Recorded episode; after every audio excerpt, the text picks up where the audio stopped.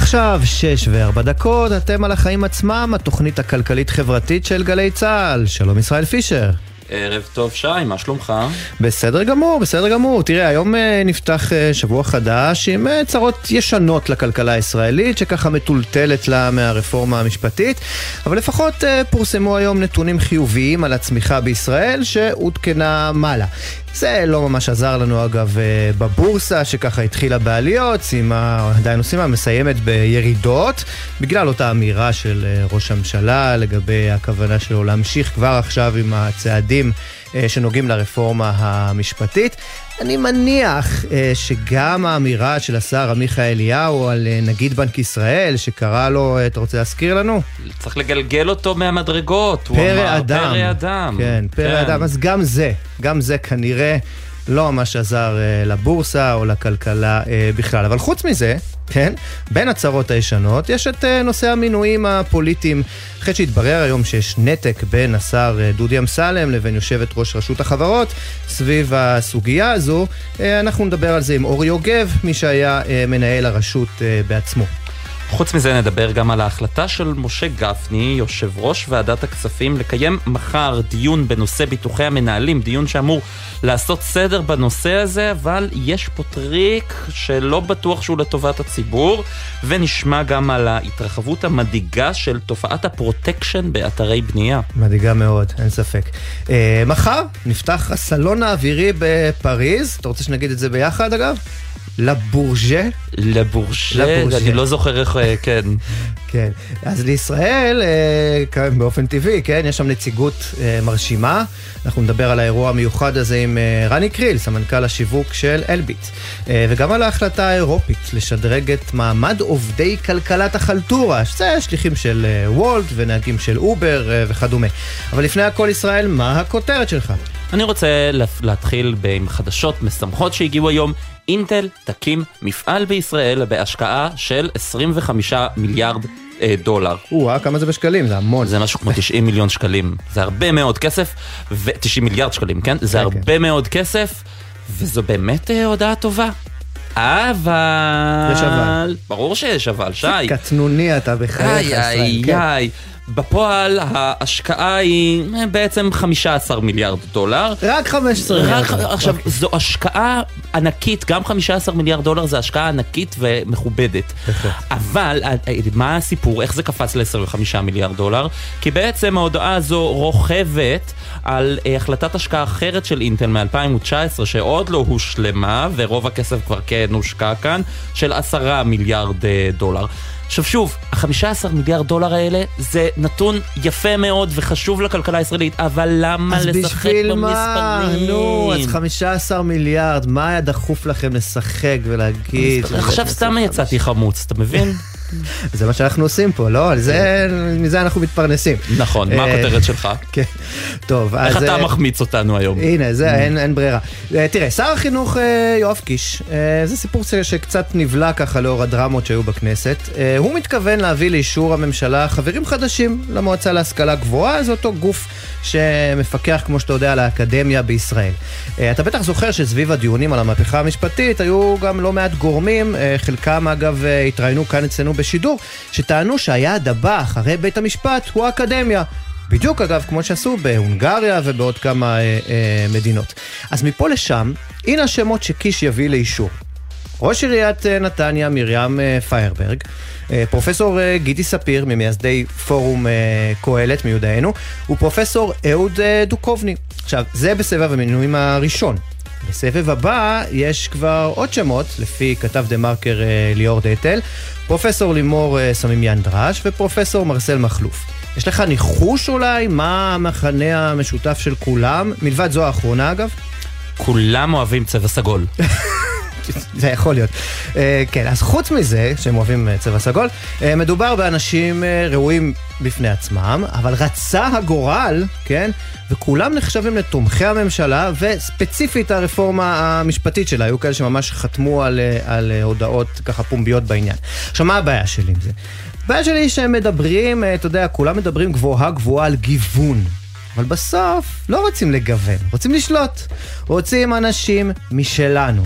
אותם אנשים שסלדו, בצדק אגב, מהפרקטיקה של uh, מפא"י, של פעם, כן? עושים עכשיו ממש אותו דבר ואפילו גרוע יותר. והם עושים את זה בכל מקום שהם רק יכולים. דודי אמסלם, uh, קראנו הבוקר. כן, אנחנו מיד נדבר על זה. בדיוק, אנחנו נדבר על זה. עושה את זה בחברות הממשלתיות. Uh, שלומי קרעי עושה את זה, שלמה קרעי השר עושה את זה בדואר. אחרים עושים את זה גם בטלוויזיה וברדיו. כמו שאנחנו יודעים, גם אני לא אמשיך בקרוב. כל זה מזכיר לי את הסיפור על מנחם בגין. האיש שהמתין 30 שנה כדי להגיע לשלטון, ראה שכל הדרג המקצועי הפקידותי בממשלת רבין מתחיל לארוז. ואז הוא אמר להם דבר פשוט, תחזירו את הארגזים, לא באנו לערוף ראשים. וזה כל ההבדל, ישראל, בין משילות לעריצות. יכול להיות. נתחיל. יאללה.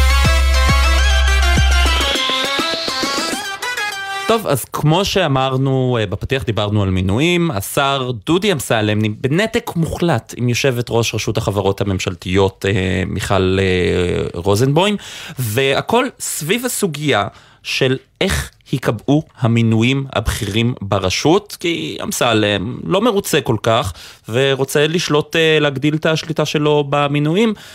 איתנו בנושא הזה אורי יוגב, לשעבר מנהל רשות החברות הממשלתיות, שלום, ערב טוב. ערב נפלא.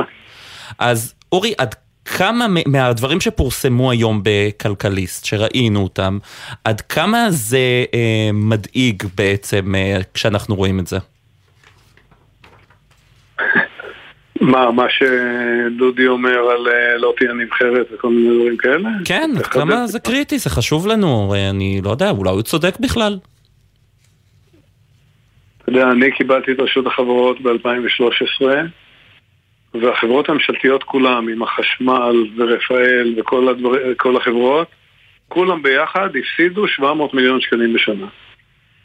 שינינו את השיטה, גרמנו לזה שהחברות יתעסקו יותר בעסקים, שיהיה בדירקטוריונים גם מינויים מקצועיים ולא רק מינויים פוליטיים וגם של אנשים שלא בהכרח ניהלו חברות בעבר. אתה מתכוון כמובן למה שנקרא נבחרת הדירקטורים, שגם אותה השר אמסלם אה, רוצה לבטל כבר אה, זמן מה. זה הדבר המרכזי שאני מבין ש... שהוא מדבר עליו כרגע. אז הוא מדבר על זה כבר זמן מה. כרגע אנחנו מדברים ממש על ניסיון נוסף לבטל גם את ועדת המינויים. שזו עבודה שאמ... הוועדה שאמורה לאשר אה, מינויים של אה, אה, מנכ"לים ויושבי ראש אה, אה, דירקטורים. אה, אז מאה אחוז, בגדול אומר בואו נחזור לא רק ללפני נבחרת הדירקטורים אלא עוד 15 שנה קודם שגם לא היו ועדות ומינו באמת אנשים בלי השכלה ובלי ניסיון ובלי ידע וכל החברות הממשלתיות היו תעשייה של ג'ובים למרכז ליכוד וכל מיני כאלה. זה כבר עבר עוד לפני תקופתי. בתקופתי עברנו באמת כבר לנבחרת הדירקטורים, שהיא בעצם רשימת מומלצים לשרים של אלף איש שעברו, באמת ניגשו ועברו קריטריונים. בתוכם, בניגוד למה שאמסלם אומר, יש נשים, יש uh, פריפריה, יש מזרחים, יש הכל, והשרים יכולים לבחור מתוך הרשימה מי שהם רוצים. זאת אומרת, נגיד אה, אמסלם רוצה לשפר את כמות האנשים מהצפון והדרום שיושבים בחברות הממשלתיות משום מה, אז הוא יכול ללכת ולבחור את החבורה הזו. היא עדיין חבורה גדולה, יש שם מאות אנשים. ואלה עדיין אנשים שעברו תנאי סף מסוימים, אנשים שנבחרו שיש להם יכולות, ש- שהם יכולים להנהיג ולהוביל חברות ממשלתיות שבסך הכל אלה חברות שמתעסקות בכסף של כולנו ורווחת החיים של כולנו. בדיוק, ואני כן יודע להגיד לכם, וזה מה שהתחלתי להגיד קודם, ברמה אמפירית. החברות הממשלתיות הפסידו כסף ובסכומים מאוד גדולים, ואחרי ששינינו את השיטה של המינויים לאנשים מתאימים ולאו דווקא מקושרים, החברות ממשלתיות מרוויחות היום 4 מיליארד שקלים. זאת אומרת, זה פער של 4-5 מיליארד שקלים כל שנה לטובת הכיס של כולנו. כלומר, אתה רואה מתאם בין, נאמר, היעדר הזיקה הפוליטית, שבוודאי הייתה אה, בעבר במינויים כאלה, לבין ההצלחה והשגשוג של החברות הממשלתיות. לגמרי, זאת אומרת, זה, זה לא רק האיכות של האנשים שמגיעים לדירקטוריון, זה גם בגלל שהם פועלים לטובת החברות, ולכן יש החלטות שמתקבלות רק מטעמים ענייניים, ממנים אנשים בתוך החברות, נהגי רכבת, דברים, סברים, מנהלים בתהליכים נקיים ולא קרובי משפחה של, והשינוי הדרמטי הפשוט הזה, שפשוט מביאים אנשים טובים לנהל את הנכסים של כולנו, גרם לזה שהחברות האלה מרוויחות 4-5 מיליארד שקל יותר כל שנה. כן, אבל יגיד לך השר אמסלם, אני נבחר הציבור, עם כל הכבוד, קיבלתי uh, מנדט uh, מהבוחר, ובסופו של דבר האחריות עליי, ואני יודע, תסמכו עליי, אני יודע למנות את האדם המתאים, וגם אם הוא לא מתאים, כמו שאתה אומר, ואולי החברה uh, לא כל כך תצליח, אז בסוף, שוב, זה על הכתפיים שלי, ולשם כך נבחרתי. בסדר, אנחנו בואו נדון על המהפכה המשפטית וכל מיני דברים כאלה. בכל זאת חיים במסגרות ששרים מתמנים, מקבלים באמת המון סמכות וכוח, אבל לא כוח בלתי מוגבל. וכיוון שמקצועם הוא לא לבחור את האנשים הכי טובים להיות דירקטורים בחברות הממשלתיות, בשביל זה יש רשות החברות, בשביל זה עשו תהליכים שהיו 12 אלף מועמדים לדירקטורים ונבחרו 1,200 צריך רק 100-200 בשנה. עדיין השרים, יש להם זכות הבחירה, והם יבחרו מתוך הרשימה הגדולה הזו, שברשימה הגדולה הזו יש הכל. בניגוד למה שהוא אומר, לא חברים של אף אחד, אלא יש מנכ"לים של החברות הכי גדולות במשק. אנשים מנוסים, ממגוון מאוד רחב של תפקידים, גם כאלה שהיו בתפקידים חברתיים וגם משפטנים וגם כספים וגם מרכז וגם צפון וגם דרום. אפילו בתוך הנבחרת יש אה, ניסיון לשלב בעלי מוגבלויות, חרדים, יוצאי העדה האתיופית, מעבר לחלקם באוכלוסייה. כדי להעניק להם עדיפות? כדי שאם השרים ירצו, הם לא חייבים, כן. אבל אם השרים ירצו, אז הם יוכלו לבחור גם, גם אנשים משיקולים שהם לא רק יכולתם לנהל את החברות, אלא גם לגוון אה, את המנהלים בחברות. כשאתה רואה, באופן אישי אני עכשיו רוצה לשאול אותך, כשאתה רואה את מה שנעשה, גם עם אה, אה, נבחרת הדירקטורים וגם עם הניסיון לבטל את הוועדה לבדיקת אה, מינויים בכירים בחברות הממשלתיות, מה אתה מרגיש? זה לא... זו שאלה טובה לגבי רגשות. המאבק בין פוליטיקאים ופוליטיקה ואינטרסים פוליטיים וג'ובים לבין אה, אה, תפקוד המערכות באופן תקין, קיים לא רק בארץ, קיים אה, גם במקומות אחרים ובישראל גם המון שנים. מדינות שמצליחות לגרום לכך שמי שמנהל את התפקידים המרכזיים, ובמקרה הזה החברות הממשלתיות, זה אנשים שנבחרים לפי כישוריהם ולא לפי קשריהם, יותר מצליחות, זאת מימי נפוליאון. אלה שלא, נכשלות. אז אני מאוד מקווה שניסיונות כמו של אה, אמסלם במקרה הזה לא יצליחו. אבל כדי שהם יצליחו אגב, זה לא מספיק שהוא אומר, הוא צריך באמת להצליח להעביר כל מיני שינויי חקיקה בכנסת בשלוש קריאות. בכל זאת בתי המשפט בישראל עדיין קיימים, אז אני אופטימי שלמרות כן. כל הספירות האלה, השיווי משקל בין האינטרסים הפוליטיים לבין טובת הציבור אה, יהיה קצת יותר לטובת הציבור. כן, אורי, אורי יוגב, מנהל רשות החברות הממשלתיות לשעבר, תודה רבה לך על הדברים האלה. תודה רבה לכם.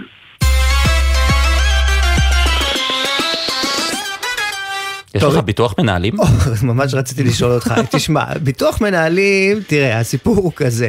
אה, פעם מזמן, ממש מזמן, אה, עוד לפני ש... אתה יודע, לפני שהיה בכלל חוק אה, פנסיה חובה, כזה זקן אני, בגלובס, אתה יודע, ניגשו אליי איזה יום ואמרו לי, תשמע, אתה... אתה צריך להגיד שאתה צעיר, אנחנו ברדיו, לא רואים אותנו, אתה יכול להגיד שאתה צעיר. כן, כן מאזינים לגמרי. אז אתה יודע, ניגשו אליי ואמרו לי, אתה זכאי בקרוב. הקרוב לביטוח אה, מנהלים. אתה כל כך, אה, אנחנו כל כך אה, מרוצים שאתה זכאי למוצר הזה, הנחשק. הזה שנקרא ביטוח מנהלים. ואתה יודע, לקח, לקח הרבה זמן להבין שזה משהו שמציעים אותו לכל מנהל משמרת גם במקדונלדס. ובדיוק בעניין הזה אנחנו רוצים להגיד שלום ללינור דויטש. אהלן לינור.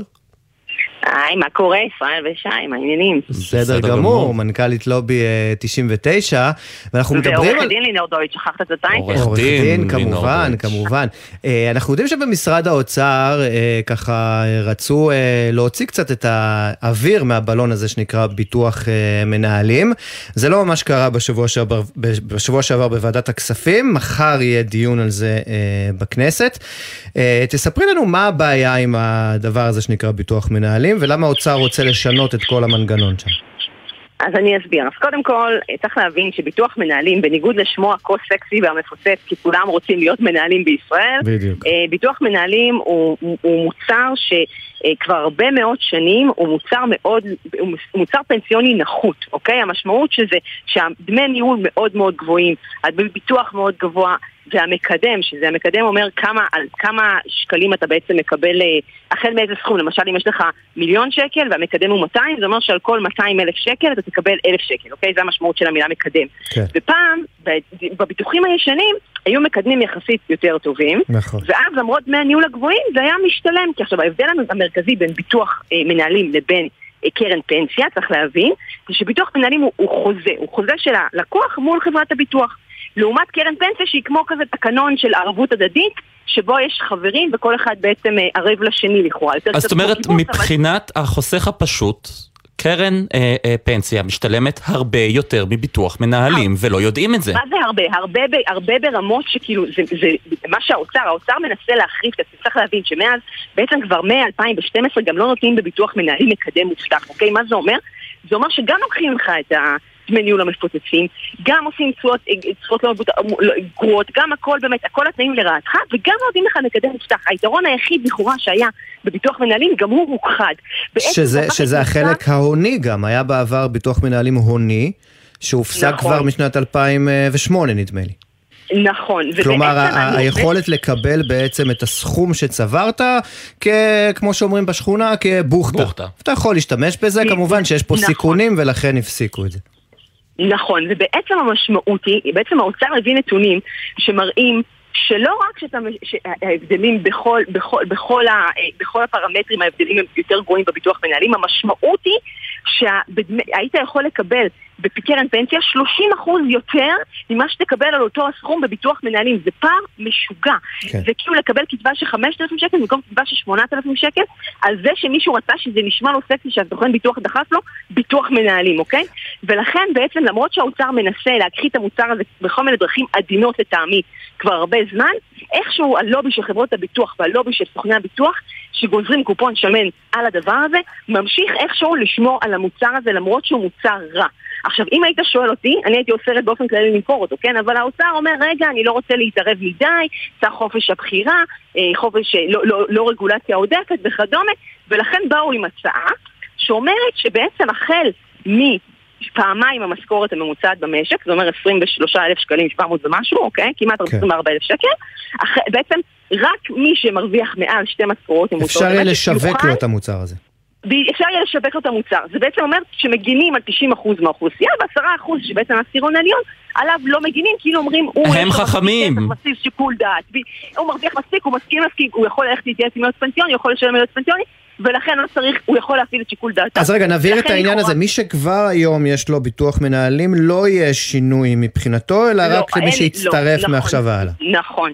ומפה והלאה, וכן אני אומרת לכל המאזינים, באמת, אני לא יכולה להפציר באנשים מספיק ללכת ליועץ, בעצם ליועץ פנסיוני אובייקטיבי, לא סוכן ביטוח, או סוכן ביטוח שאתם יש כאלה, לינור? כן? יש כאלה? יש, בוודאי, בוודאי, מה זאת אומרת? יש שם 461 סוכנים פנסיוניים אובייקטיביים שלהם אתה משלם כסף, משלם, והם מחויבים בחוק, לתת לך אך ורק את האינטרס שלך, בלי עמלות מחברות ביטוח, בלי עמלות של דבר, לבדוק את הנתונים שלך ולהגיד לך מה הדבר הכי כדאי. זה אומר שאתה קצת משלם עכשיו כמה קצת כסף, אבל זה חוסך לך מאות אלפי שקלים אחר כך בפנסיה, אוקיי? אני עשיתי את זה באופן אישי גם לפני אה, תקופה אה, לא ארוכה, ואני ממליצה לכל בן אדם שיכול לעשות את זה. כלומר, לא להתפתות לזה שסוכן הביטוח בא, בא ואומר לך, בוא, אני אעשה לך ביטוח כזה, ואעביר אותך לקופה הזו, ואקח אותך לשם. תשמע, יש סוכני ביטוח, תראה, חשוב להגיד שאנחנו לא רוצים להוציא דיבתם של כל סוכני הביטוח, ויש גם סוכני ביטוח ישרים, שאני בטוחה שגם יגידו לכם את האמת, יש ויש. אבל אני לא ספציפית מי אתה, כל אחד מי הסוכן שלו ומה הוא מציע לו, אני כן אומרת שווה לקבל בסוף סוכן ביטוח מתפרנס מעמלות, לא יעזור, ובסוף שיקול הדעת יכול להיות מוטה מעמלה כזו או אחרת, ולכן אני כן ממליצה לקבל ייעוץ אובייקטיבי. עכשיו כן חשוב להגיד, לא מאוחר לנייד, ברגע שאתה יכול עכשיו בכל רגע נתון, החוק החדש לא יחול עליכם, אבל לכו ותבדקו, ואתם יכולים לחסוך באמת, אני לא מגזימה, זה מאות אלפי שקלים פערים, זה, זה, זה פערים מטורפים, ולכן חשוב לא להתעצל, אנשים שומעים פנסיה, עושים סיין אאוט בעיניים, קשה להם לשמוע, מעדיפים ללכת, יעברו מסופר לסופר בשביל לקנות את הגבינה היותר זולה, אבל על החיסכון הכי גדול בחיים שלהם, הם מעדיפים לא להתעסק כי זה כאילו מסובך. זה מבהיל אותם, הם רואים את האנשים, לא מסתכלים כן. על הדוחות שלהם, לא מבינים, מפחדים להבין מה זה אומר נכון. התשואה שהם מקבלים, נכון, ומה נכון. זה אומר כל מיני סעיפי ביטוחים שהם לא תמיד צריכים. אם אתם למשל רווקים, ופתאום יש לך סעיף ביטוחי על בן זוג, ואתה אפילו לא יודע את זה, אז תבטל אותו, כי זה יחסוך לך עוד קצת ועוד קצת. לא צריך לפחד מהפנסיה, זה לא כזה מפחיד. אתה צודק, וגם צריך להבין שגם כל סעיף כזה במצטבר על פני חיים שלמים שווה עשרות ומאות אלפי שקלים, ולכן חשוב להבין בדיוק על מה אתה משלם ועל מה לא ומה אתה צריך מה לא. אני כן רוצה לומר שהקרב לא נגמר. שבוע שעבר בוועדה, למרות שהיה קונצנזוס מקיר לקיר לקיר, אה, נעמה לזימי מהעבודה מול, אה, לא יודע, אליהו רביבו מהליכוד, כולם הסכימו פה אחד, כל גורמי המקצוע, כל הגורמים הפוליטיים, שיש פה, שצריך להעביר את התקנות האלה ולא הייתה באמת שום התנגדות, עדיין הלובי האגרסיבי של, של חברות הביטוח ושל סוכני הביטוח הצליחו להפעיל לחץ ולהגיד רגע, לא משתי משכורות ממוצעות, בואו נעשה את זה רק ממשכורת ממוצעת אחת. לא, לצערי הרב אני אומרת, גפני החליט לדחות את ההצבעה ולהגיד שאולי מדברים, ויש על זה איזשהו דיבור שמחר בדיון... גפני זה יושב ראש ועדת הכספים, הוא לא ממש, הוא צריך לומר, הוא לא ממש נימק אה, יותר מדי את ההחלטה הזו שלו. לא, הוא לא נימק את הדחייה, לא לגמרי ברור לי למה פשוט לא העביר להצבעה, ומה השיקול שם, אני מאוד מאוד מקווה. אה, אנחנו כמובן גם דיברנו עם כל הח"כים, אנחנו גם נהיה מחר בדיון, ואני מאוד מקווה שלא יקטינו את גובה המשכורת ממנה אפשר. בהחלט, ואנחנו, אה, לינור דויטש, נשמח מאוד אה, להתעדכן איתך גם בהמשך בעניין הזה. תודה רבה שהיית איתנו. תודה רבה לכם על מרתק לגמרי. אתה רואה? גם, אה, גם נושא של אה, פנסיה לא כזה אה, יכול, להיות, הוא מאוד חשוב והוא לא תמיד משעמם. אפשר לעסוק איתו, לעסוק בו בלי לפחד. בהחלט. עכשיו נעבור לתופעה מדאיגה אה, על פרוטקשן באתרי בנייה, כן, בעיקר תשמע, בדרום הארץ. זה מדהים, היה אה, צריך לומר כנס של אה, התאחדות אה, הקבלנים, בוני הארץ בסוף השבוע הזה אה, באילת. בשלב מסוים אה, שאלו שם את הקבלנים אה, בקהל, היו שם משהו כמו 100 אה, קבלנים אה, שונים, אה, שירים את היד מי שלא משלם פרוטקשן באתרי הבנייה, מי שלא משלם. אתה יודע כמה הרימו? אפס? אפס. אפס. אפס פשוט אה, מוחלט. מדהים. אחד מהאנשים שלא הרימו, אם אני מבין נכון, אה, את היד, זה אלי אביסרור. אהלן אלי. שלום, אחר הצהריים טובים לכם. מנכ"ל אה, קבוצת אביסרור, ממלא מקום יושב ראש התאחדות בוני הארץ ויושב ראש ארגון הקבלנים אה, בנגב. מה זה אומר פרוטקשן בענף הבנייה בעצם? איך זה עובד? תראה, בעבר דיברו כל הזמן על פרוטקשן, על שמירה. אז השמירה מדובר פה באלף, אלפיים, שלושת אלפים שקל. כלומר, היו ניגשים לא, אליך ואומרים, אם אתה, אם אתה רוצה שישמרו לך ככה טוב טוב על המקום, חבל. על הציוד, שלא יגנבו את הטרקטור.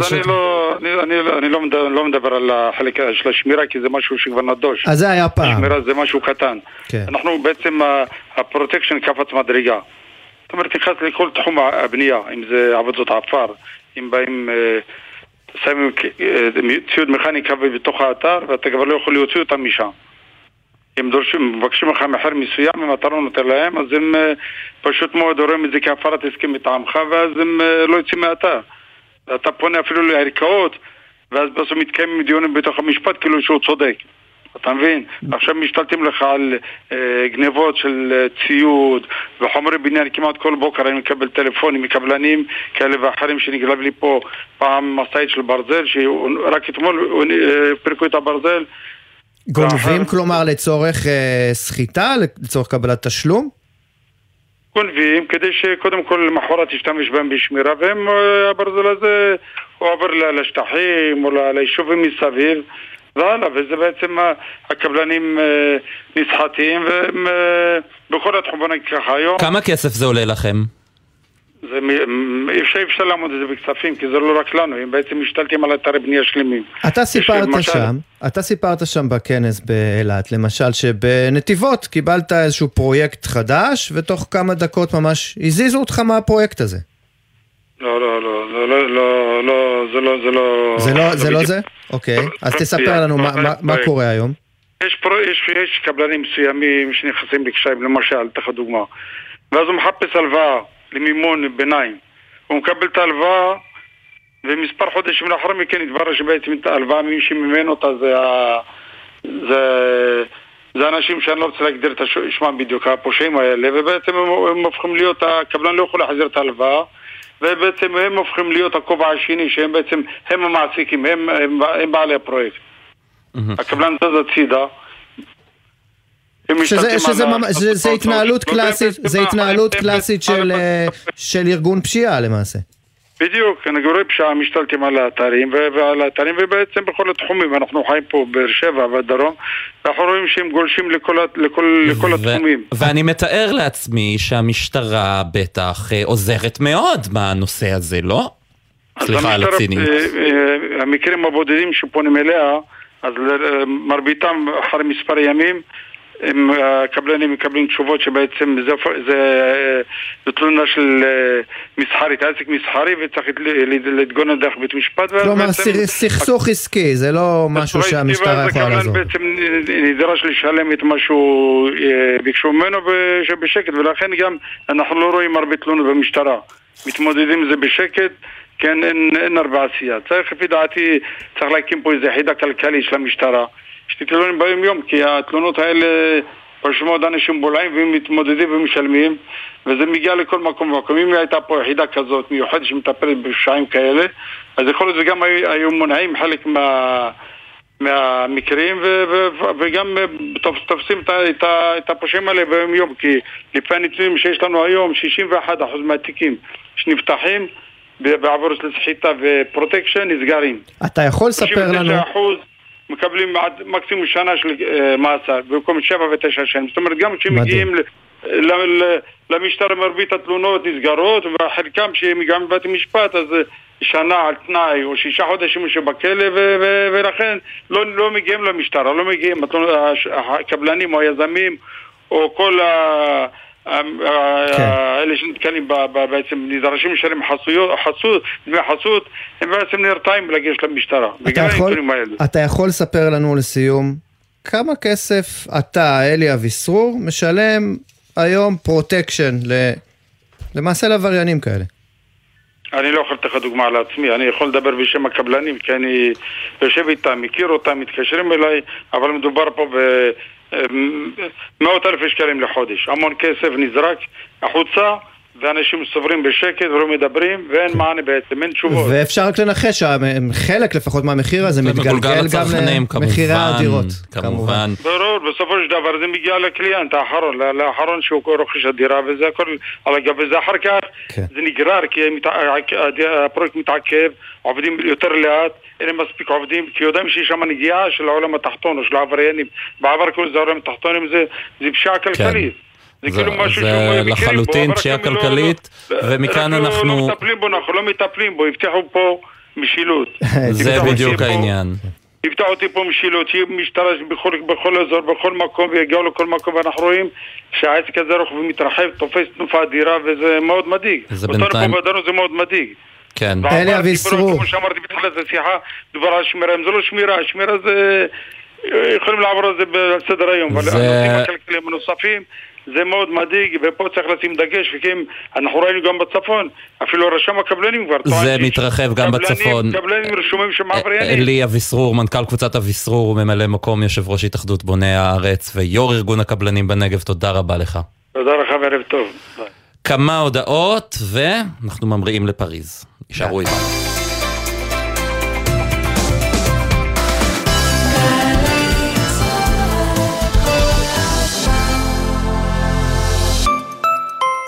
להיות דיפלומטית בשירות החוץ זה מקצוע שהוא הכל חוץ משגרתי, עם השפעה ומשמעות. מסקרן? אם את ואתה מחפשים קריירה מרתקת, הגישו מועמדות למסלולי ההתמחות בדיפלומטיה במשרד החוץ. כך תוכלו להשפיע על החוסן הלאומי של מדינת ישראל ויחסי החוץ שלה. חפשו ברשת התמחות דיפלומטית במשרד החוץ, קורסי צוערים. חדש במכללת עזריאלי, תואר ראשון בהנדסה אזרחית. אתם מוזמנים להצטרף לחממה למהנדסי העתיד ולמהנדסות העתיד, ותוכלו לצאת עם תואר שאפשר לבנות עליו. עזריאלי, מכללה אקדמית להנדסה, ירושלים. לפרטים כוכבי 9087 שלום, כאן אשר אזולאי, מנהל מועדון יותר. אני שמח להזמין אתכם, מלש"בים מתגייסים וחיילים, לשלושה ימים של מסיבה חד פעמית, עם הופעות חיות של אומנים מובילים, מיצג צה"ל, עמדות שירות של מיטב והמון חוויות. הכניסה למלש"בים ומתגייסים חינם. ב-11 ביולי, פסטיבל יותר למסיימי י"א. ב-12 ביולי, פסטיבל יותר למתגייסים, מסיימי י"ב. וב-13 ביולי, מופע לחיילים בפארק הירקון, גני יהושע תל אביב. להורדת כרטיסים ייכנסו עכשיו לאתר מועדון יוטר. שקר וכזב, הכל שקר וכזב. פייק ניוז, דיפ פייק, דימויים מזויפים, דיסאינפורמציה, אשליות ותעתועים. הכל שקר וכזב. שבוע עיצוב ירושלים מציג עשרות תערוכות, מיצבים ואירועים של יותר מ-150 יוצרים מהארץ ומהעולם, ובודקים את האפשרות של אמת ומקור למרות שפע השקר והכזב. 22 עד 29 ביוני, בית הנסן, ירושלים. עכשיו בגלי צה"ל, ישראל פישר ושי ניב עם החיים עצמם. ארבע שנים, ארבע שנים לא היה הסלון האווירי לבורג'ה בפריז ובוא, בגלל הקורונה. ובוא נודה על האמת, אנחנו, אנחנו, תשמע, אנחנו מנצלים, אנחנו מנצלים את העובדה שעמית תומר לא נמצאת פה כדי uh, לדבר על uh, נשק. על נשק, מטוסים, דברים, כן, אנחנו דברים של בנים, סליחה על, ה, על הסטיגמה העלובה הזו, אבל, אה, אבל מה לעשות, שמעניין אותנו. כן, אז באמת הסלון האווירי ייפתח מחר בפריז, ואנחנו יודעים שכבר ככה כל הכתבים הצבאיים ברכבת אווירית uh, בדרך לשם, הוא כבר שם, uh, וזה מעניין הרבה מאוד אנשים, ובטח uh, אותנו, וממש בעניין הזה נמצא איתנו רני קריל. סמנכ"ל שיווק אלביט, אהלן. אלביט מערכות. ערב טוב ישראל, ערב טוב שי, שבוע טוב למאזינים. אז איזה צעצועים אה, תציגו שם בסלון בפריז? וואו, כמו שבפתיח שלכם, אז באמת אה, יהיו שם אה, הרבה צעצועים, ואחרי ארבע שנים, אז כולם אוהבים לקנות צעצועים, לא רק ילדים. אז אחרי ארבע שנים באמת יבואו לקנות צעצועים.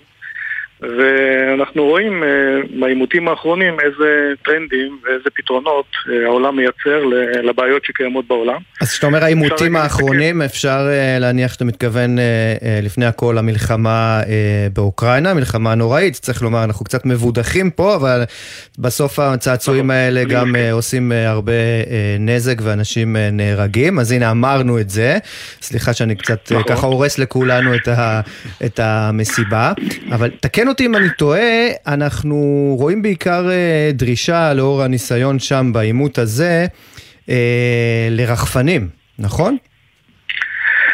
אז, אז ככה, אז באמת העימות הזה מייצר אה, מגוון רחב של, של פתרונות לצרכים שונים. אז באמת עולם, ה, עולם הבלתי מאוישים הולך ומתפתח, ומרחפנים קטנים ומל"טים מתאבדים שמגיעים גם, גם מאיראן וגם ממקומות אחרים, כל עולם האוטונומיה הוא בהחלט אה, עולם שהלך והתפתח והמלחמה הזאת אה, אפילו האיצה את, ההתפתחות שלו.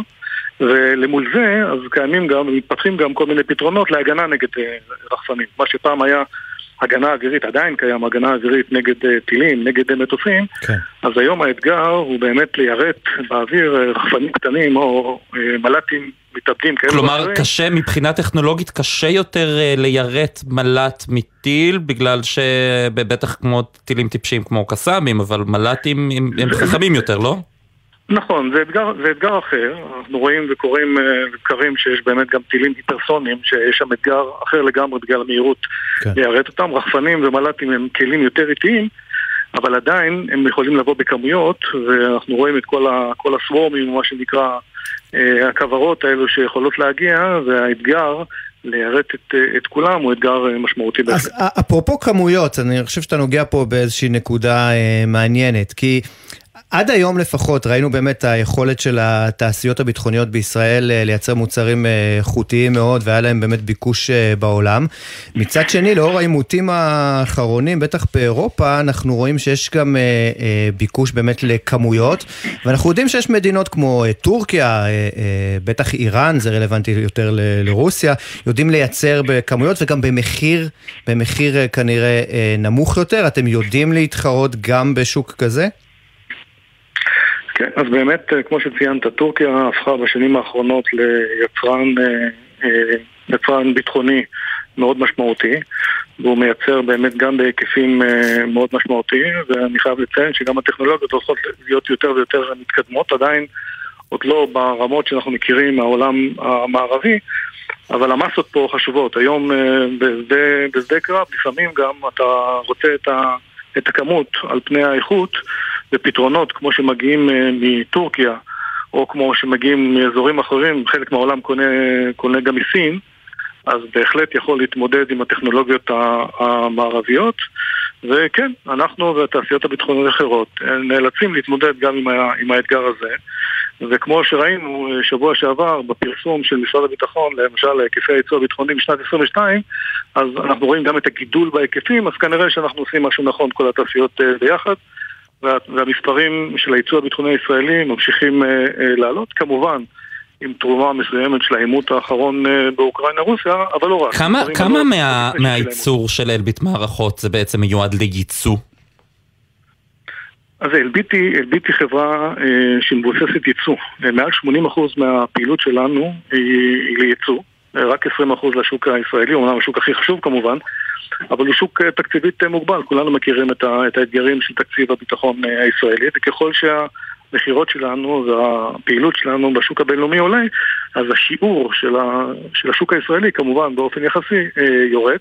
אז אנחנו נמצאים יחסית באופן חריג בהיקף ייצוא מאוד מאוד גבוה של 80 שזה לדעתי יותר גבוה מכל התעשיות הביטחוניות הישראליות, וגם חריג לעומת תעשיות ביטחוניות מקבילות אה, בחו"ל. זאת אומרת, אנחנו נפגוש את טאלף מוכרת לא מעט בצרפת, ואת ליאונרדו מוכרת לא מעט באיטליה, ואת לוקיד מוכרת בעיקר בארצות הברית. זאת אומרת, היקפי הפעילות שלנו, של אלביט, בשוק הביטחוני, אה, בייצוא, הם, אה, הם יחסית גבוהים. אני רואה את המספרים, אה, רק בחודש מאי האחרון מכרתם בהיקפים של 305 אה, מיליון דולר בהולנד, 372 מיליון בדנמרק, בעיקר מערכות ארטילריה ורקטות. יכול להיות שאת הגידול המשמעותי יותר בהכנסות נראה דווקא ב-2024, אז נרגיש את האפקט של המלחמה באוקראינה יותר? כן, אז מה שציינת זה באמת הזמנות שנחתמו, המכירות כמובן ילוו בשנים הקרובות כאשר נספק את המערכות האלו, אבל, אבל בהחלט, אנחנו נראה, אנחנו נראה אה, באופן טבעי, בהמשך לגידול בחתימות החוזים ובהזמנות שהתעשיות הישראליות מקבלות, אנחנו נראה באופן טבעי אה, את הגידול במכירות אה, בשנים הקרובות, ולא מעט מזה ילך, ולא מעט מזה ילך לאירופה. כן, לסיום רני, אני לא אתן לך לברוח בלי שתיתן לנו גאדג'ט אחד ספציפי מגניב שאתם מציגים שם. גאדג'ט אחד ספציפי שאנחנו מציגים. אחד, תבחר אחד, משהו שמגניב, משהו שבאמת אה, המאזינים עכשיו עשו וואו. אז שוב, עולם, עולם ההגנה, עולם ההגנה הוא עולם מאוד מאוד מתקדם, וכדי להתמודד עם יכולות uh, התקפיות כאלו ואחרות של uh, צבאות אחרים, גם טילים וגם מטוסים, אנחנו נאלצים, uh, או אנחנו מפתחים uh, פתרונות ל, uh, להתמודד עם האימונים האלו. וכאשר טיל uh, מגיע לכיוון שלך ועף אליך, וברגע מסוים הוא מתבלבל ומשנה את הכיוון, אז יש טכנולוגיה שעומדת מאחורי זה וגורמת לטיל הזה לחשוב שהוא הולך לכיוון אחר, וכל העולם הזה של הספקטרום והל"א הוא עולם מאוד מתקדם, שאלביט כמובן מובילה עולמית בו, ואנחנו נראה הרבה פתרונות בנושא ההגנה על פלטפורמות או הגנה על אתרים שמבוססים על הספקטרו האלקטרומגנטי. כן, והטיל הזה, אפשר לזהות אותו מהקסדה של אלביט, ויש עוד המון סיפורים. אני חייב לשאול אותך, רק אה, גם אני ממש לסיום, אה, למה אתם צריכים, אה, אתם בכלל, תעשיות ביטחוניות, לשלם כל כך הרבה למתווכים? אפרופו הסיפור של שי ברקת, שקיבל 20 מיליון אירו מהמספנה הגרמנית בעסקת הצוללות, למה צריך את זה? אז כמובן, אני לא מכיר את המקרה הספציפי, אבל בעולם שלנו, לפעמים, אני לא יודע מה זה נקרא מתווכים, אבל בעולם שלנו כדי, בכל עולם עסקי, כדי לקדם עסקים, אז יש אנשים שזה, שזה תפקידם, ובמסגרת תמורה הולמת למאמצים, כמובן, היא לא צריכה להיות חריגה כמובן, הם אה, עוזרים לנו במדינות שלנו קשה להגיע, אלביט או כל תעשייה אחרת פועלת בעשרות מדינות ואין לנו יכולת באמת לשים אנשי שיווק שנמצאים בעשרות מדינות אז הם פשוט מסוג של תחליף אה, אנשי שיווק שנמצאים באזורים שלנו יותר קשה להגיע. כן, למרות שהתיווך הוא לפעמים זו מילה נרדפת לככה פרקטיקה קצת אה, אה, מפוקפקת, אבל לא, לא, לא ניכנס בטוח, לזה. כן, נכון, לא לכן אני לא משתמש במילה תיווך, כן, וסיוע כן. שיווקי, זה יותר מתאים. רני כן. קריל, סמנכ"ל שיווק אלביט מערכות, המון תודה שהיית איתנו. ערב טוב, להתראות, תודה רבה. עכשיו אני אשכנע אותך שגם תחנת כוח זה דבר מעניין. מה? לגמרי, תחנת כוח. 12 מיליארד ו-400 מיליון שקלים. אה, קבוצה של אה, דליה ותעבורה הודיעו שהיא תרכוש את תחנת הכוח אשכול באשדוד.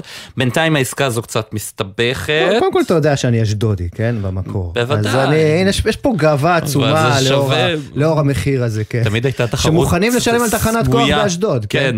תמיד הייתה תחרות סמויה בין חיפאים לאשדודים. נכון, בית זיקוק. אז אני חיפאי, בית זיקוק, נו מה, לא כל, אז אני חיפאי, אני בתים החיפאי, לא משנה. ואני בן לגמלאי, זכרו לברכה, של בית זיקוק באשדוד, אתה רואה? אז הנה, הכל מתחבר. כן, אז, אה, אה, אז באמת, אה, סכום גבוה מאוד על תחנת הכוח הזו באשדוד.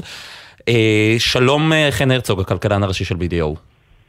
ערב טוב. ערב טוב. זה שווה כל כך הרבה כסף, התחנה הזו? בואו נבין בעצם איך, איך הגענו לא, לאירוע הזה ומה פתאום תחנת כוח אה, יוצאת למכירה. בעצם המכירה הזאת זה השלב הרביעי והאחרון במסגרת הרפורמה במשק החשמל ש... שיצאה לדרך לפני חמש שנים. שבאו ואמרו אנחנו רוצים לייצר תחרות בשוק החשמל ובעצם חברת החשמל שהייתה המונופול אה, הייתה צריכה למכור תחנות כוח, מכרה ארבע תחנות, זאת התחנה הרביעית והגדולה מכולם. כן. עכשיו, כשהמדינה יצאה לרפורמה הזאת, מה היא אמרה? אנחנו רוצים לעשות תחרות, תחרות מורידה מחירים. אנחנו לא מצפים שנמכור את התחנה במחיר הרבה יותר גבוה ממה שעלה לחברת החשמל אה, אה, לבנות אותה, כי הרווח לא יבוא מהמכירה, הרווח יבוא מזה שמייצרים תחרות ומורידים מחירים. בעצם מה שהמכרז הזה מראה לנו, את הסכומים האלה ש, שיזמים הם מוכנים לשלם, שבעצם הממש... המדינה למעשה נכשלה ביצירת תחרות. אם מישהו מוכן לשלם כאלה סכומים עבור תחנת כוח, למה? למה הוא מוכן לשלם כל כך הרבה כסף? אז רגע, רגע, אתה, אתה רומז פה שאנחנו, אנחנו הציבור, הולכים להפסיד דווקא מהמספר הגבוה הזה, לא להרוויח בהכרח. זה, אין פה, אין, אתה יודע, אין מתנות חינם. אם מישהו מוכן לשלם, אז הוא חושב, אם הוא לא טועה, אז הוא חושב שהוא ירוויח. ומאיפה הוא מתכוון להרוויח? להרוויח מכך שהוא ימכור את החשמל במחיר יותר גבוה, ומהכסף הזה בעצם הוא יממן את העלות הזאת של, של, הקמה, של מימון התחנה. אין פה, אין ארוחות חינם בכלכלה. אז בעצם מה, מה היזמים, ודרך אגב זה נכון לכל המציעים, כל המציעים במכרז, גם אלה שהגיעו למקום שני ושלישי, הציעו מחיר שהרבה הרבה יותר גבוה מהמחיר שעלה לבנות את התחנה. כי אומרים חסר חשמל במשק, ולא רק שחסר היום חשמל, יהיה חסר גם מחר ומחרתיים. ואז תגיד, וכשיש מחסור, המחירים עולים. ואז תגיד, למה יש מחסור? הרי הנה, תראה כמה יזמים רוצים להקים תחנות כוח, כסף לא חסר, תראה כמה כסף יש. אבל המדינה לוקחת את הזמן בכל מה שקשור בפיתוח משק החשמל, אנחנו יודעים. נכון, למעשה המשק החשמל בעצם המדינה יצרה פה פקק. היא מחלקת מכסות, אתה מאמין שעוד היום בשנת 2023 יש, יש מכסות, אז בחשמל יש מכסות, כדי להקים תחנת כוח לא מספיק שיש יזם שרוצה להקים ומצא קרקע, הוא צריך לחכות שיתפנה מכסה ושהממשלה תאשר, יש כל כך הרבה חסמים. זה קצת כמו עם החלב. זה נכון, נכון, נשארנו בעצם שני תחומים במשק שנשארנו במשטר מכסות, משטר, אה, מכסות חלב ומכסות חשמל, מכסות שמש. אז בעצם מה, שה, מה שהמכרז הזה בעצם, אני חושב שהתמונה העגומה שעולה בתוצאות המכרז הזה, אה, ללא השאלה אה, איך הוא ימומן ואם הוא ימומן הוא שבעצם המשקיעים בשוק באים ואומרים תראו אנחנו לא מאמינים שהמדינה תצליח ביעדים שלה להקים אנרגיות מתחדשות. אנחנו לא מאמינים שיפתחו את משק החשמל, אני לא מאמינים שיהיה בעת, אנחנו מאמינים שגם 20 שנה קדימה כי זה מכרז שבעצם להפעיל את התחנה 20 שנה קדימה, יהיה חסר חשמל, ולכן בעצם אה, המחסור הזה יגרום לכך אה, לעליית מחירים, וזה מסקנה שהיא באמת לא מבשרת טובות תשמע, לציבור הישראלי. תשמע, כל מי שמסתובב קצת אה, אה, בכבישים, או אתה יודע מה, גם על המדרכות, לא יכול לפספס את כל המכוניות החשמליות, בעיקר הסיניות שמגיעות ו- ומופיעות פה כמו אה, אה, פטריות אחר הגשם. אה, אה, מישהו פה נזכר באיחור שאנחנו כולנו עומדים לצרוך הרבה יותר חשמל. נכון, אז, אז זה נכון שלפני uh, חמש שנים ו, ועשור שתכננו את משק החשמל, מראש תכננו מעט מדי. בעצם המדינה לא העריכה נכון את הגידול במשק החשמל, לא יצרה מלאי תכנוני.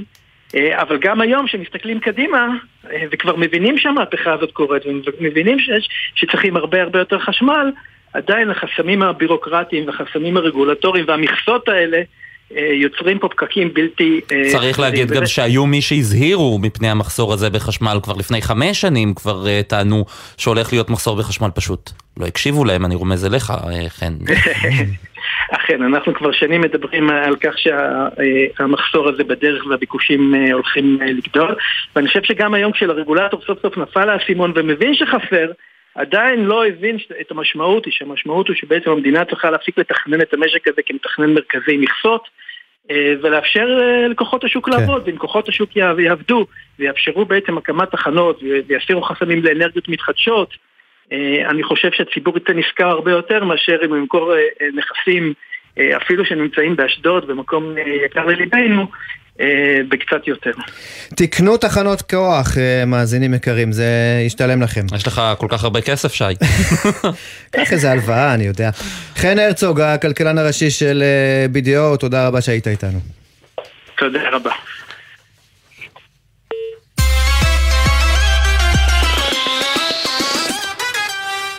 שים לב למה שעושים באירופה. סדר בכלכלת החלטורה. באירופה עושים סדר. באירופה עושים אני, סדר. אני שומע באירופה עושים סדר, זה קצת מפחיד אותי.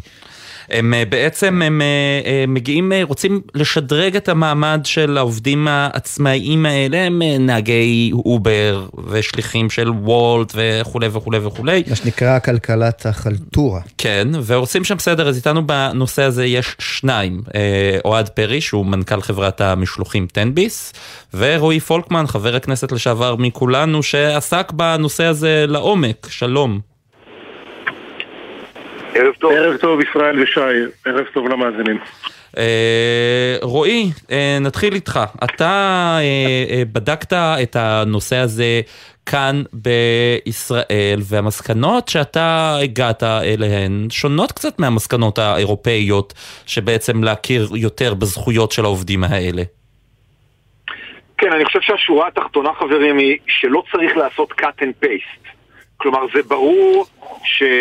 יש מקום אה, לייצר איזה שהם הגנות ואיזה שהם כללים לגבי אנשים שעובדים במודל של פרילנסרים על פלטפורמות מסוג, מסוגים כאלה ואחרים, אבל זה לא אפס או אחד, כלומר, או שאתה מאה אחוז פרילנסר חסר שום זכויות וכולי וכולי, או שאנחנו כמו במודל העתיק, אתה אה, עובד שכיר עם יחסי עובד מעביד, ואז אנחנו מאבדים את כל הערך. ולכן אנחנו צריכים להתחיל לחשוב יצירתי, אולי רק אה, כדי שהמאזינים ישמעו קצת מה, מה התחילו לחשוב עליו באירופה. אה, זה לא מאה אחוז רק רע, אה, אבל, אבל כמובן הם קצת הולכים רחוק מדי. למשל, האם מותר לי להגיד לא לעבודה שאני מקבל מהמעסיק שלי?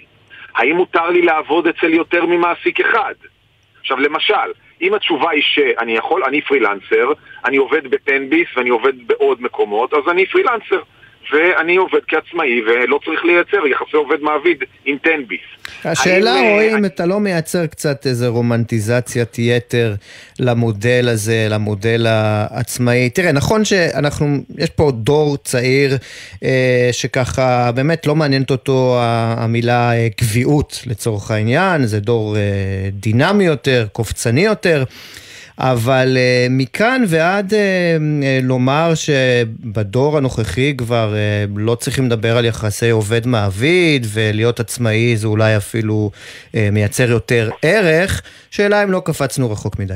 זה, קודם כל זו שאלה נפלאה, והתשובה היא עוד פעם עניין של מידה. יש המון יתרונות, ואני אגיד רגע דוגמה על שוק העבודה של העתיד. אחד, זה שילוב. למשל, היום גם בירושלים וגם בתל אביב, אה, העיריות מממנות קריירה נוספת למורים. כמו במערכת הרפואה, אומרים, אני רוצה לשמור מורים טובים במערכת החינוך, בוא תלמד גם להיות למשל מנחה קבוצות או מדריך הורים, בבוקר תעבוד בשירות הציבורי כמורה בבית ספר, אחרי הצהריים תהיה פרילנסר למשל כמדריך הורים. העתיד בנוי על היברידיות. אני יכול להיות שאני שלושה ימים יעבוד כשכיר איפשהו, ועוד שלושה ימים יעבוד כעצמאי. יש ערך במודל הגמיש אוהד. הזה. הוא, משכ... הוא משכלל את שוק העבודה, צריך למצוא לו פתרונות חדשים ולא cut and paste של מה שאנחנו מכירים מעשרות שנים של אה, איגודים וכללים ורגולציה. אוהד, אתם בעצם עוסקים, עובדים בצורה שונה, נכון? השליחים שלכם הם אה, מועסקים באופן ישיר על ידי החברה. של תן-ביס, כן. נכון, בטנביס כבר ארבע וחצי שנים בעצם מאז שהתחלנו את הפעילות הלוגיסטית שלנו בישראל השליחים אצלנו מועסקים בהעסקה ישירה עם, עם כל מה שבא עם זה. אה, הפרשות לפנסיה, כל התנאים הסוציאליים, ימי חופשה, ימי מחלה, אה, שי לחג וכמובן המטריה שהמעסיק נותן אה, בקשר הישיר שלו עם העובד. ויש לזה אבל צד שני אולי, הצד השני הוא שאתם אה, משלמים אה, פחות. אולי בשורה התחתונה אתם נותנים אה, פחות, ואותם צעירים, אנחנו יודעים שיש רשימות אה, המתנה אפילו אה, אה, אה, לשירות של אה, וולט, מעדיפים בסוף להרוויח יותר. תראה, יש, יש פה שני דברים. אחד, קודם כל התפרסם לא מזמן איזשהו פסק דין אה, שבתוכו אפשר לראות ניתוח שמשווה את השכר שאנחנו נותנים לאחת המתחרות שלנו בשוק ומראה בבירור מי, מי משלם יותר כאשר אתה מנקה את כל הליקויים. אבל פה, פה בעצם תמונה אחת מהבעיות העיקריות והיא חוסר השקיפות שיש ב, ב, במודל אה, כלכלת החלטורה, שבו בעצם העובדים לא רואים אה, מה, מה הם מקבלים ומה החובות שהם צריכים לשלם. אה, שכיר מקבל בכל חודש תלוש שכר שבו הוא רואה מה ההפרשות שלו לפנסיה, מה ההפרשות שלו לביטוח לאומי וכולי וכולי בעוד שבחור צעיר בן 20 אה, שעובד כפרילנס לא רואה. אז אתה אומר כן, בטוטל כשמסתכלים על עלות ההעסקה ולטווח הארוך זה משתלם יותר לעובד. תראה, אנחנו, אני חושב שטנביס היא הוכחה, בטח בארבע וחצי שנים האחרונות, שמודל העסקה הישירה לשליחים בתחום האוכל הוא אה, מודל בר קיימא. כן. רועי פולקמן, תודה רבה אוהד פרי, מנכ"ל אה, תן-ביס, תודה רבה לשניכם. זה ויכוח שאנחנו לא נסיים לא, אותו לא היום נצליח, אבל. לפחות הצפנו אותו. תודה רבה לשניכם. אה, נגיד תודה גם אה, לברק בטש ויעמור קבבצ'י שהפיקו. על הביצוע הטכני רועי אלמוס. רועי אלמוס בפיקוח הטכני, אילן גביש. עורכת הדיגיטל, מיה אורן. מיד אחרינו תשמע סיפור, תוכנית מיוחדת לכבוד שבוע הספר. תודה רבה לכם שהייתם איתנו. תודה ישראל פישר. תודה שי ניב. להיות מנכ"ל,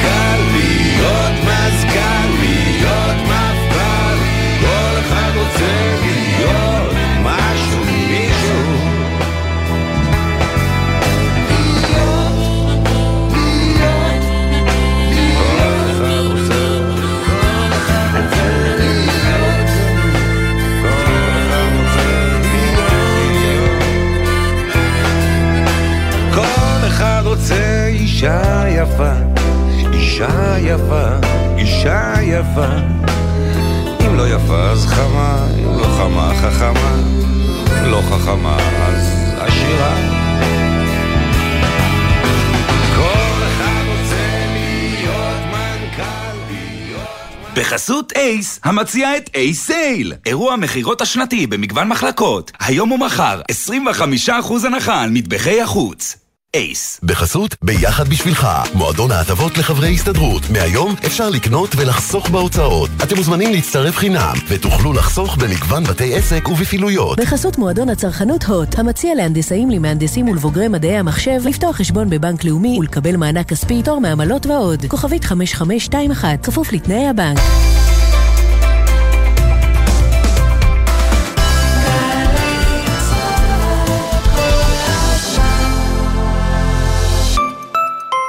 עמיתי מועדון חבר היקרים, כאן נדבה פישר, מנכ"לית המועדון. אני נרגשת להזמינכם ליריד חבר החדש בסימן מתחברים לזמן שלכם. חגיגת קניות בשישה מקניוני עזריאלי מצפון הארץ ועד דרומה, וגם כרטיס מתנה למימוש במגוון רשתות. נשמח לראותכם עד 25 ביוני. פרטים באתר מועדון חבר.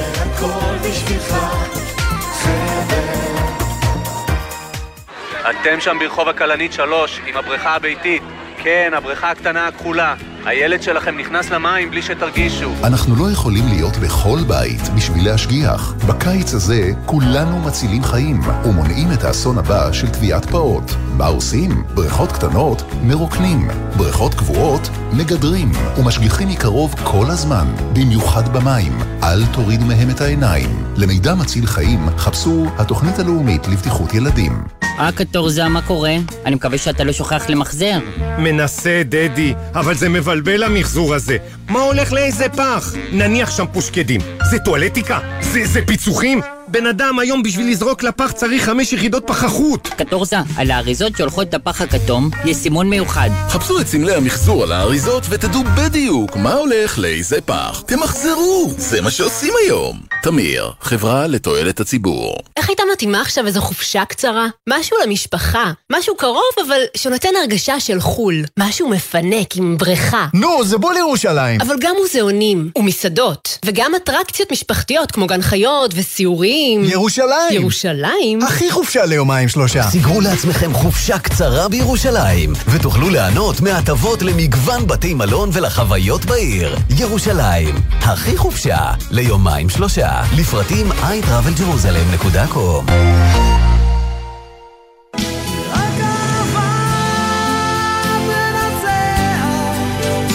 גלי צה"ל מזמינה אתכם למסיבה של אתניקס, רק אהבה תנצח. להקת אתניקס שוב יחד על הבמה עם הלהיטים המוכרים והאהובים. חמישי, תשע בערב, אמפי קיסריה, ובקרוב בגלי צה"ל. מיד אחרי החדשות, אביב